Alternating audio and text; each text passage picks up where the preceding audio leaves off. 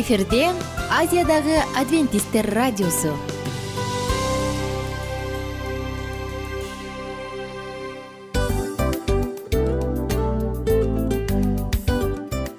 Салам достор. Ден соолук өмүр булагы. Жана биздин биринчи байлыгыбыз демекчи саламат саамы рубрикасына кош келдиңиздер. Бир да кишинин ооругусу келбегени айтпаса да түшүнүктүү анткени ооруганда жаныбыз кыйналганы аз келгенсип көп көйгөйлөр жаралышы да ыктымал. Андан тышкары жумушка же мектепке бара албай же үй бүлөбүзгө кам көрө албай калабыз. Ал эле эмес башка бирөөнүн бизге кам көрүшүнө муктаж болуп калышыбыз ыктымал. Ошон үчүн дарыланууга караганда алдын алуу жакшы эмеспи. Биздин рубрикада биз ар кандай фактылар менен маалыматтар менен кеңештер менен бөлүшүп чын жүрөктөн сиздердин ден соолугуңуздарды каалайбыз. Ошон үчүн биздин рубрикага кош келдиңиздер. Жана даярданып туруңуздар анткени кийинки мүнөттөрдө кызыктуу фактыларга ээ болосуздар. Ошон үчүн достор эң биринчи байлыгыбызды колубузга алдык да алдыга жөнөдүк. Биз менен болуңуздар саламат саама ден соолуктун жарчысы. Саламат саама ден соолуктун ачкычы. Күн сайын сиз үчүн мыкты кеңештер сонун жаңылыктар кызыктуу фактылар. Биздин рубрикада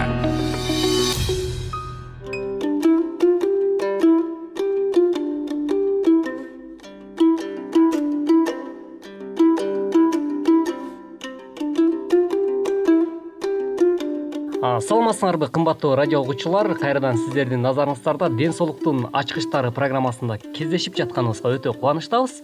Бүгүнкү программабыздын чыгарылышында биз адаттагыдай эле э, депрессия туурасында ошол жаатта сөз козгомокчубуз. Андыктан биз менен биргеликте болуп дал ушул бүгүнкү радио берүүдө биздин уктурууда эч кайда алыстабай биз менен бирге болуңуздар деп баарыңыздарды чакырмакчыбыз дагы. Э, биз бүгүнкү программабызды баштайбыз депрессия чынында эле азыркы замандын эң олуттуу проблемасы болуп саналат экен. Жыйырма миллион америкалык депрессиянын олуттуу даражасына даражасынан жапа чегишет экен алар э, башына түшкөн бул бала оорудан кутулуу үчүн жылына депрессияга каршы миллиарддаган таблеткаларды жана көптөгөн транквилизаторлорду жутушат экен. Бирок проблема өскөндөн өсүп келе жатат. Мисалга айта кетсек э, негизи эле депрессия жаатында бул э, депрессия эмнеден башталат? Адамдын көңүлү чөккөндүгүнөн улам. Адам депрессиянын негизи эле адамзат жашоосунда депрессиянын кеңири жаралышы бул эмоциалдык абалга дагы болот экен. Бирок депрессия ошондой эле медициналык жана психологиялык мүнөздө бир катар көйгөйлөрдүн симптому болуп калышы дагы мүмкүн экен. Депрессия кабылган адамга кандай жардам берүү болот депрессиянын ар кандай түрлөрү бар экен? Бирок алардын кайсынысына болбосун төмөндөгү ыкма жакшы жардам берет. Мисалы баардык адамдар мейли депрессия абалында болобу же ансыз болобу жашоосундагы структуранын болушуна муктаж экен. Мисалы адамдын табиятында ал өнөр жай э, корпорациясынын жетекчиси болобу машина жууйбу же тамак аш бышырабы ага карабай анын иши пайдалуу экендигин анын эмгеги чынында эле кимдир бирөөгө керек экендигин сезүү муктаждыгы аябай керек болот экен. Депрессия абалындагы адам күн сайын Э, канааттанууну сезүүгө жана кайсы бир пайдалуу ишти аткаргандыгын негизинде өзүнүн керектүүлүгүн билүүгө жана бөтөнчө муктаж болот экен. Чынында э, депрессияга кабылбаш үчүн сен өзүңдүн жасап аткан ишиңен канааттанбасаң ошондон улам көңүл чөгүүлөр башталат экен ооба мен дагы кесиптеш сенин оюңа толугу менен кошулам. Себеп дегенде ушул бир ишти кылып жаткан учурда сөзсүз түрдө баягы кайталанма иштер же болбосо жашоодо мындай болуп калат да мүмкүн. Күнүнө эле ушул бир проблеманын үстүнө проблема болуп эле ошонун тегерегинде айланасында көйгөйгө баягы бир кыргызча айтканда баягы малынып калып эле анан ошондон чыга албай эле ошонун үстүндө бушайман боло берген дагы бул э, адамга деги эле психологиялык жактан э, ушундай бир депрессияга түшүп калууга алып келет болуш керек менимче ооба мисалы айтып коет эмеспи коёнго окшош күндөр депчи? Ошон үчүн коёнго окшош турбаш үчүн биз чын эле аракет кылышыбыз керек окшойт да. Өзүбүздүн жашообузду жашообузга кандайдыр бир жаңы нерселерди киргизип. Кандайдыр бир жаңылыктарды э мүмкүн. Э, мисалы э, ошол эле учурда бир өтө күнүнө кайталанма жумуш болгон учурда деле э, мүмкүн бир э, тыныгуу убактысында танаписте ошол убакта бир мүмкүн сыртка чыгып жөн эле бир жаратылышка суктанып айлана чөйрөгө абадан кере кере дем алып дегендей ошол учурда мүмкүн бир спорттук көнүгүүлөрдү аткарып э мүмкүн балким үй бүлөң менен бир жака чыгып келиш бул дагы аябай жакшы. Ооба. Үй бүлөңдү дагы бекемдейт. Депрессиядан чыкканга жардам берет э. Чыкканда мүмкүн ошол эле учурда ошол жумуштан кайткан убак мезгилде баягы үйгө келип эле көбүнчө баягы адат болуп калат го келип эле баягы мен чарчадым деп эле телевизорду кое калып анан кайра эле ушул бир жаңылыктарды проблеманын үстүндө болуп аткан бир көйгөйлөрдү көрбөстөн ошол маалда тескерисинче мүмкүн балдар менен ойноп эшикке чыгып футбол тээп ойноо мисалы үчүн топ тээп ойноп э мисалы менин жашоомдо ушундай болгон өзүмдүн жеке жашоомдон айта кетейин. Мен качан ушу күнүнө кайталанган жумуш үстүндө болгондуктан менин жашоомдо анан ушундай чарчаган убакытта балам менен ойногондо бир ушул стрессти мындайча айтканда орусча айтканда баягы снимать этип деп коет го стресстен арылып э, ушундай бир э, кубаныч бир келчү да. Ошентип мен мындай стресстен чыкканга аракет кылчу элем. Балаң менен ойноп күлүп ар кандай бир э, оюндарды уюштурса да болот болуш керек. Менимче үй бүлөлүк жашоодочу кандай дейсиң? Балким бирок балдары жоктор кантип ооба бул жакта да ушундай суроо тууп калышы мүмкүн. Балким айрыкча үйлөнө электер бойдоктор э мүмкүн э, ушундай курулуш. Балким курбулар менен бир жака чыгып келсе деле болот. мисалы киного барса болот сонун китептерди окуса болот. Өзүн өзү өстүргөнгө э, кандайдыр бир Э, тренинг семинарларга катышса болот. Мен ушундан улам билем. Менин э, бир досум ушул э, курулуш жаатында иштечү экен анан ал айтты да ушу күнүнө эле кайталанган жумуш бетончулап баягы ылай кармап анан ушунчалык чарчадым дейт да анан бир күнү мындай чечим кылдым дейт. Радио угуп жатып анан ошол жерден бир маалымат угуп калдым дейт.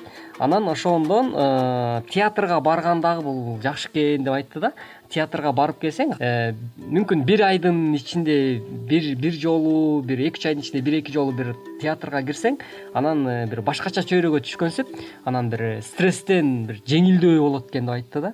Сен буга кандай карайт элең денедеги стресстин э, жөнөкөй жана табигый азыктардан турган диета азайтууга жардам берет экен э, жалаң жер жемиш менен бир эки күн тамактануу же жеңилдөө күндөрү деп атап коет эмеспи? Бир эки күн тамак жебей балким суу ичип э, күн өткөрсө дагы чарчагандыкты алып салууга жана акыл ойду айкын кылууга сезилэрлик натыйжасын берет экен күнүмдүк турмуштагы тыпыраган түйшүктөн кол үзүп бейкут эс алууга убакыт табууга өтө маанилүү экен. Ал эми уйку жөнүндө айта кете турган болсок чоң кишилер үчүн күч кубатын калыбына келтирүүгө жети сегиз саат уйку да жардам берет экен. Ошондуктан убагы менен уктап убагы менен тамак ичип убагы менен сейилдеп э, көңүл ачса дагы бул жакшы жардам берет окшойт. Э, ошол эле учурда мүмкүн э, эгерде мүмкүнчүлүк болсо баягы бир аз көп деле менимче финанс каражаты кетпейт болуш керек. Мүмкүн бир аз ошол финанс каражаттан бөлүп коюп деле. Мисалы бир айда бир э, мисалы бассейнге барып сууга сүзүп э, бул дагы өтө стресстен чыкканга жардам берет деп кээ бир айрым бир э, медицина жаатында ушундай кеңештерди да беришет экен да. Ооба анан дагы үзгүлтүксүз активдүү дене бою көнүгүүлөрүн дагы жасоо уйкуну жакшыртат стресстин жагымсыз таасирлерин жөндөйт экен салмакты дагы сактоого жакшы жардам берет экен анда эмесе ушуну менен бизге бөлүнгөн убакыт да өз соңуна келип жетип калды. Кийинки берүүбүздө э, сиздер менен кезиккенче э, аман болуңуздар жана сак саламатта калыңыздар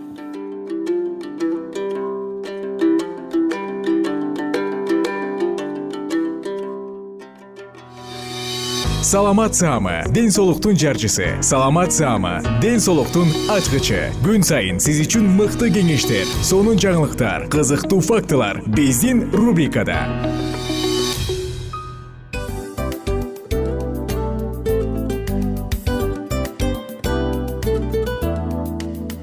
Салам достор. Ачуу душман акыл дос. Акылыңа акыл кош демекчи биздин дил маек рубрикасына кош келиңиздер. Дил маек программасында ар кандай темаларды козгойбуз. Балдарды өстүрүү аларды тарбиялоо кантип балдарды бактылуу кыла алабыз. Жана кыз жигит ортосундагы мамилелер кыз жигит ортосуна кантип нукура таза сүйүүгө жетсе болот. Бактылуу үй бүлө куруунун кеңештери ар кандай сырлары жеке өсүү жана ар кандай кызыктуу чыгармачыл программаларга арналган рубрикабызга кош келиңиздер. Эмне үчүн дил маек? Анткени дил маек эки адамдын баарлашуусу сырдашуусу. Сизди да биз менен сырдашууга чакырабыз. Анда эмесе кийинки он мүнөттүк убакытта сиздер менен чын жүрөктөн сырдашып баарлашабыз. Даяр болсоңуздар анда кеттик ар түрдүү ардактуу кесип ээлеринен. Алтын сөздөр жүрөк ачышкан сыр чачышкан сонун маек. Дил маек рубрикасында.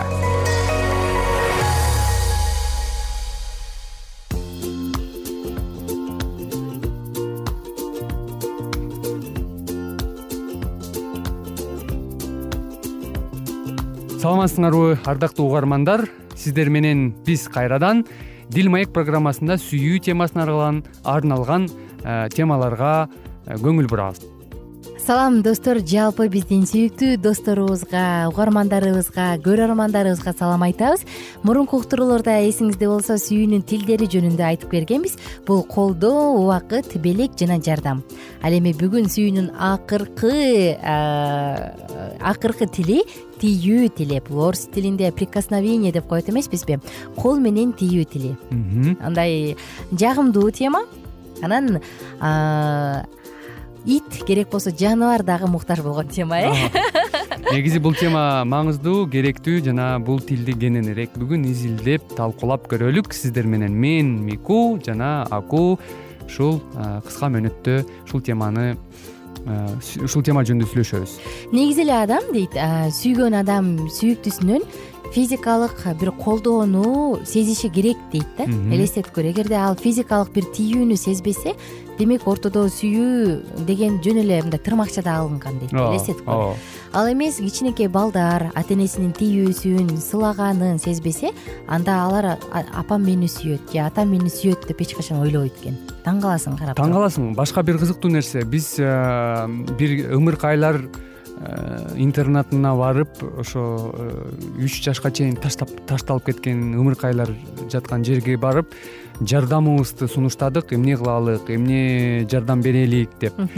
Анан биз ойлогонбуз балким тамак тамак ашпы же гуманитарный бир кийимдерби же азык түлүкпү же медикаментпи же памперспи чыгылып ошондой бир материалдык жардамго деп күтүп отурганбыз.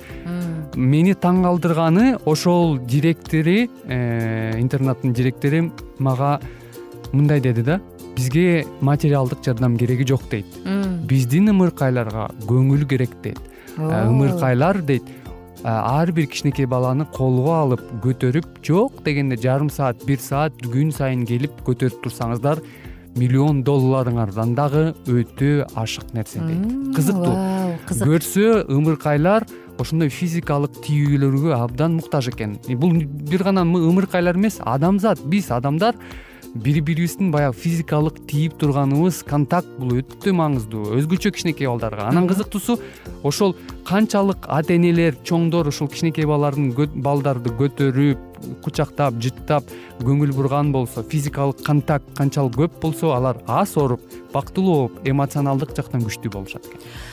Мен да бир мээрман апа жөнүндө айтып бергим келип турат. Бул болгон окуядан алынган бир ооруканада балдар ооруй баштайт да ооруп ооруп ооруп анан тилекке каршы чарчап чарчай башташат. Улам бири өтүп улам бири өтүп чарчай берет. Анан кээ бир эле кээ бир балдардын баягы карточкасынын сыртында мээрман апа деп жазылып калат да.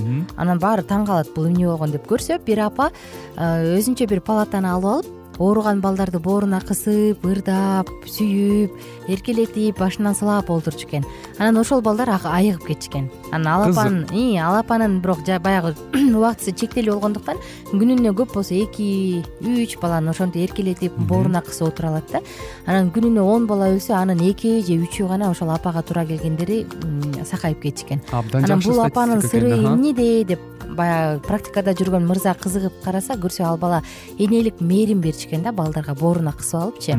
Анан бул жерден айтат кетчү нерсе адамдын тийүүсү адамдын сүйүүсү адамдын берген мээрими бул оорудан дагы күчтүү бул өлүмдөн да күчтүү нерсе экен. Элестетип көр. Эми үй бүлөлүк жашоодо тийүү кандай жолдор менен тийсе болот? Ошол жөнүндө бир аз сүйлөшүп кетсек. Менин оюмча бул тийүү десе эле кучактап кучакташуу гана эмес.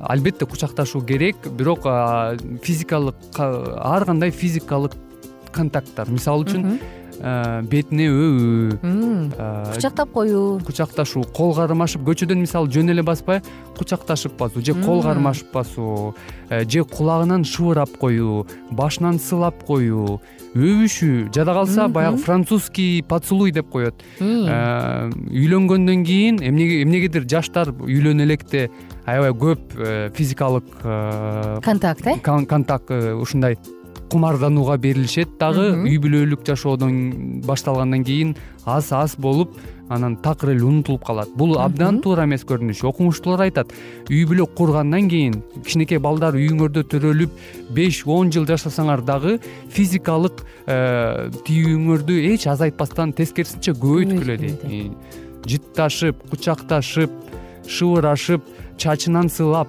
ар кандай эркектер дагы буга муктаж. Албетте аял менимче аялдар буга көбүрөөк муктаж да. Бирок кантсе дагы эркектерге дагы бул тиешелүү бир айым айтат эгерде эптеп эле жашайын десеңер анда күнүнө сегиз жолу кучакташкыла эгерде жакшы жашайын десеңер анда сегизден көп кучакташкыла деп элестет э. А мындай карап отурсаң анда эмне кучакташып эле отуруш керекпи деп ойлошу мүмкүн. Бирок чындыгында ушундай экен. Кичинекей бала болобу жубайлардын ортосунда болобу кучакташып бетинен сүйүп туруу адамдын иммунитетин дагы жакшыртат экен. Адамдын психологиялык жактан көп нерседен алдын алат экен. Адамда анан дагы башка зарылчылыктарына карап отурсаң өтө эле чоң. Эң таң калыштуусу иммунитетти көтөрөт. Ошон үчүн достор эч ээринбестен эч жалкоолонбостон э, көңүл буруңуздар чындыгында. Балким биздин миллион долларга муктаж эмес биздин жубайлар. Балким чоң белектерге муктаж эмес а жөн гана кучактап жөн гана балкондо кучакташып кол кармашып отурганга муктаж. Көңүл буруп көрүңүз. Кээде баягы убакыт жок и ага деген атайын убакыт керек да дей турган болсок жаңылышабыз. Бир адам сонун айтып берди эле да. Ашканадан өтүп баратып келинчегиң тамак жасап атса же идиш жууп атса келип артынан кучактап «Э, мен сени сүйөм деп айтып кой дейт. Бул тамак анда сөзсүз даамдуу болот дейт. Эгерде аял э, кир жууп жүрсө же кийим үтүктөп атса келип кучактап ага жылуу сөзүңдү айтып кой дейт. Ал сага сен үчүн болгон колунан келген аракетин жумшат дейт да. Тагыраак айтканда тийүү бул сүйүү тилүү тилүү тийүү болгонго эле адамга эмес эки тарапка тең чоң чоң чоң бир ийгиликтерди алып келет экен негизи бул теманы дагы тереңирээк изилдейм дегендер бар болсо окуйм дегендер бар болсо сөзсүз түрдө э, түйүүнүн беш тили китебин жүктөп алыңыз телефонуңузга интернеттен табыңыз э, орус тилинде бар кыргыз тилинде билбейм которулганбы жокпу. Бирок бул китепте жакшы биз айтпаган дагы көптөгөн кеңештер бар э? Ооба биз четинен эле айтып кеттик. Анан мырзаларда дагы сүйүү тили тийүү барбы жокпу дегенде мырзанын жөн эле ийнинен колуңду коюп ийнинечи таптап анан алтыным жаным мен сени сүйөм. Сен аябай сонун күйөөсүң деген сөздү айтып койсоң дейт жөн гана мына колдун тийгени. Ага деген аябай көп стимул берет дейт элестетип көр э жөн гана. Далынан таптап сен кандай гана сонун адамсың. Же болбосо ии сен аябай жакшы иш кылыптырсың деп койсоң дейт ал адамга чоң стимул берет дейт. Ал эмес мырзаларда дагы. Керек болсо учурашып жатканда колду бекем кысып таанышканыма кубанычтуумун десең демек сен кийинки жолу жолукканда аны менен мамилең мурдагыдан жакыныраак болот дейт. Да элестетип э тийүүлөрдүн мындай маанилүүлүгүнчү. маанилүүлүгү чын эле керек болсо учурашканда. Керек болсо коштошуп жатканда керек болсо айымдын колунан кармап бир жака узатып киргизип атсаң мунун баардыгы тең тийүү контакт. Адамдын мамилесин бекемдейт экен. Албетте э, тийүүнүн контакттын дагы өзүнүн чеги бар болуш керек. Албетте коомдук жерлерде биз э, даанышмандык менен акылмандык менен иш аракет кылышыбыз керек. А бирок үй бүлөдө үйдүн ичинде же паркта өзүнчө жүргөндө э, эми албетте эч уялбаңыздар. Бири бириңерге сүйүүнү көрсөткөндөн уялбаңыздар андан тышкары эмне деп айтмакчымын дагы? Негизи ушул сүйүүнүн тилдери ар бирөөсү абдан керектүү. Айтпа. Ар бирөөсү абдан керектүү. Жана ушул жардам берүү дагы бул э, жардам берүүнүн дагы өзүнүн мааниси бар. Жакшы айткан сөздөрдүн дагы мааниси бар. Бирок физикалык контакт мисалы үчүн мындай байкап көрсөк биз мисалы үчүн анча тааныш эмес же анча баягы жакын эмес адамдар менен учурашканда биз мындай эле кол кысышып коебуз. Ал эми биз көп убакыттан бери көрө элек адамды же биз аябай жакшы көрүп ушунчалык кымбат адамды көргөндө эмне кылабыз? Кучакташабыз. Кучакташып кое бергибиз келбейт? Мына ошондой деңгээлге биз дагы мамилелерибизди жеткиришибиз керек туура айта кеттиң достор сиздер менен бирге бир нече э, программаларда сүйүүнүн тилдери жөнүндө сөз кылдык. Үй бүлөңүздүн бактылуу болушун кааласаңыз жолдошуңуздун жубайыңыздын уртунан дайыма жылмаюу көргүңүз келсе анда ушул тилдерин изилдеп алып ага жагымдуу мүнөттөрдү арнап туруңуз. Кызматта мику аку кайрадан амандашканча. Сак саламатта болуңуздар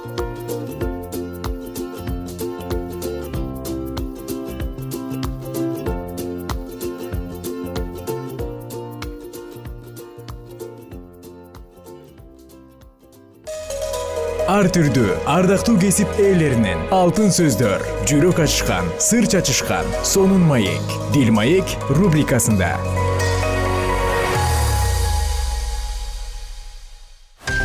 Жан дүйнөңдү байыткан жүрөгүңдү азыктанткан жашооңо маңыз тартуулаган жан азык рубрикасы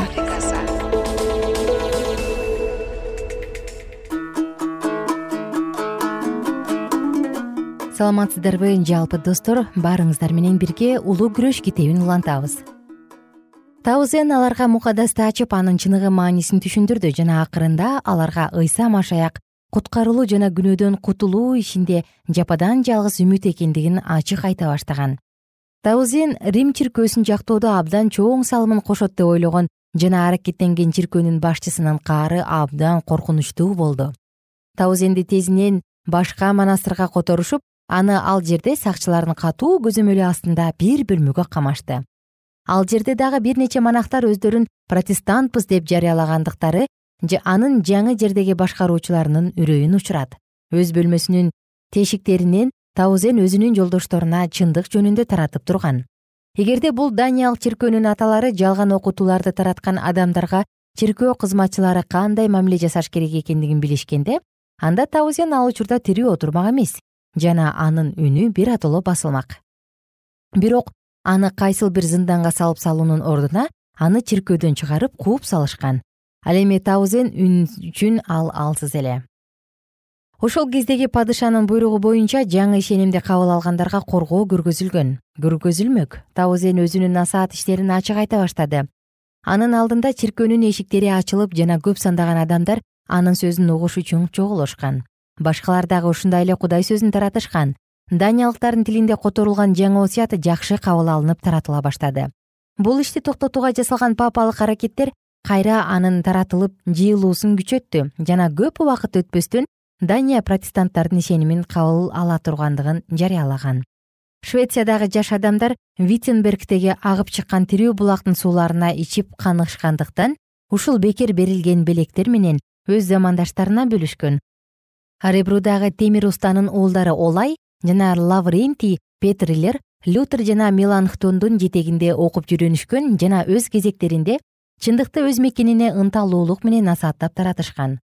Улуу реформаторлорго окшоп олай өзүнүн ынталуулугу жана бал тилдүүлүгү менен адамдарды жандандырса лаврентий меланхтон сыяктуу ойчул жана салмактуу болуп окумуштууларга көбүнчө окшошуп турган. Чындыкты жарыя кылууда эки бир тууган тең чыныгы такыбаалыкка жана диний окуулууларды билүүгө жөндөмдүүлүккө ээ болушуп эр жүрөктүүлүк көргөзүшкөн. Бирок папалык жактоочулар дагы колун сунуп калышкан жок. Католик дин кызматчылары аларга түркөйлүү жана ырым жырымга ишенген адамдарды тукурушкан. Олай петри көп жолу атайын өлтүрүш үчүн дайындалган адамдардын колуна кабылган жана ошончо жолу ал ажалдан араңдан зорго кутулуп чыгууга мүмкүнчүлүк алды. Андан тышкары падыша дагы бул реформаторлорго жакшы мамиле жасап аларды коргочолоп турчу. Рим чиркөөсүнүн эзүүсүнүн астында калуу менен калайык калк өлбөстүн күнүн көрүп жакырлыкка кабылышкан ыйык жазуулардан ажыраган эл сырткы ырым жырымдарга жана көрүнгөн нерселерге гана үйрөткөн жана аң сезимди тазарта албаган динге ээ болушуп адамдар өздөрүнүн ата бабалары сыйынып келген буттарга табынышкан мамлекет бири бирине каршылаш партияларга бөлүшүп ар дайым уланып жаткан көрүшүүлөр жалпы жакырланууга алып келген. Жана падыша реформацияны мыйзамдуу түрдө киргизүүнү каалап жана бул римге каршы каармандык менен күрөшүүчү мамлекетке жардамчы адамдарга ар тараптан колдоо көргөзүп турган. Падышанын жана швециянын башында турган адамдардын катышуусунда олай петри католиктин дин кызматчылары менен болгон талам тартыштарда реформаторду кыймылды улуу даанышмандык менен колдоду. Чиркөө аталарынын окутуулары ыйык жазууга негизделе турган болсо дагы алардын окутууларын киргизүүгө болот деп ал баса белгилеген. Анткени мукадаста ишенимдин негизги талаптары түшүнөрлүк жана жеткилеңдүү түрдө жазылып берилген. Ошондуктан аны баардык адамдар түшүнө алышат. Машаяк мынтип айткан менин окутуум меники эмес бирок мени жибергендики жана элчи павел дагы мындай деген эгерде ал кудайдан кабыл алган нерселерден башканы насааттаган болсо анда ага каргыш анда кантип деди реформатор башкалар өз жоболорун куткарылууга керек баштагансып өзүдөрү каалагандай коюп алып жатышат. Чиркөөнүн койгон көрсөтмөлөрү кудайдын осуяттарына каршы чыга турган болсо анда алар эч кандай күчкө ээ боло албастыгын далилдеди. Жана улуу протестантизмдин негизги талабы болгон ишенимдин жана өмүрдүн эрежеси болгон мукадас жана бир гана мукадас деп баса белгиледи. Бул күрөш көп адамдарга маалым болбосо дагы реформациянын аскериндеги катардагы адамдардын турмушун ачып берет. Алар өз айланасына ызы чуу чогулткан билимсиз фанатиктер болгон эмес. Жок дагы бир жолу айтабыз жок. Алар кудай сөздөрүн терең изилдеп түшүнүшкөн жана мукадас берген курал менен кантип колдонуу керек экендигин жакшы билишкен алардын түшүнүгү жөнүндө айта турган болсок алар өз мезгилинен алда канча алдыга кетишкен. Эгерде биз өз көңүлүбүздү жаркыраган билим берүүчү виттенберг жана цюрих сыяктуу борборлорго бура турган болсок анда ал жерде албетте лютер жана меланхтон свингли жана экалампадиус сыяктуу белгилүү адамдар булар эл башчылары болушкан. Жана алар сейрек учурай турган акылга ээ болушуп жана улуу чындыктын иштерин жаратышкан деп айтышат бирок алардын артынан ээрчип жүргөн адамдар алардан айырмаланышкан. Ооба. Албетте ушундай. Келгиле эми биз өз назарыбызды көп деле белгилүү болбогон швециянын окуяларына олай жана лаврентий петри сыяктуу жөнөкөй адамдарга буруп көрөлүк. Бул жерден биз эмнени таба алабыз? Булар мукадастын чындыктарын билишкен кудай сөздөрүн талкуулаган окумуштуу адамдар. Алар жакшы кабардын чындыктарына ээ болушуп жана римдин теологиясынын жана алардын эң эле окумуштуу адамдарынын үстүнөн жеңишке жетишкендер. Ушул сыяктуу башка эскертилгендей талкуулардан кийин швед падышасы протестанттардын ишенимин кабыл алып бир нече убакыт өткөндөн кийин парламент дагы анын артынан жолдоп ушул ишенимге келди. Олай петри жаңы осуятты швед тилине которуп жана падышанын жардамы менен бир туугандар толук мукадасты которууга киришкен. Ушинтип швейцариянын эле биринчи жолу ыйык жазууну өз тилдеринде окууга мүмкүнчүлүк алышкан. Парламент дагы мындай чечим кабыл алды. Мамлекеттин бардык аймактарында жыйын башчылары ыйык жазууларды түшүндүрүп беришсин жана башкалар балдарды мектептерде мукадас окууга үйрөтүшсүн. Достор сиздер менен кийинки уктурууда кызыктуу окуябызды улантабыз достор биздин радио баракчаларыбыз соңуна келди. Демек бул программабызды дагы жыйынтыктачу учур келдик. Учурга келдик. Анан кесиптешимден сурагым келип турат. Негизи эле иштин башталып атканы кубандырабы сени же жыйынтыгы кубандырабы? Албетте жыйынтыгы. Себеп дегенде сен кылган ишиңдин жыйынтыгын көрүп э, баягы мөмөсүн көрүп дегендей жыргайсың. Жүрөгүң жемишинен татып э кандай даамдуу деп. Баягы буудай сепкенде эмес буудайды эгинди жыйнагандан кийин ысык нанды жегенде кадимкидей ырахаттанасың го? Ой айтпа туура айта кеттиң сонун салыштыруу болду анан мен дагы абдан кубанып турам анткени биз угармандарыбыз үчүн аябай эмгектенип келген уктуруубуздун соңуна келип калдык. Анан эми э, уктуруубуздун соңунда угармандар кандай пайда алып калды экен деп күтүп турам да. Балким э, менин жашоомо өзгөрүү киргизе турган сонун сөздөр болду. Мен ушул нерсени изилдеп анан кабыл албасам ушул нерсени кылбасам деген чечим чыгарсаңыз анда биз абдан кубанычтабыз. Сөзсүз түрдө андыктан кийинки биздин кызыктуу уктурууларыбыздан көрүшкөнчө сак саламатта калыңыздар. Чыдамсыздык менен сиздерди мен милан жана кесиптешим айнура күтөбүз. Баардык угармандарыбызга ийгиликтүү күн каалайбыз. Качан гана болбосун уртуңуздан жылмаюу кетпесин үйүңүздө көмүр жүрөгүңүздө көңүл болсун дейли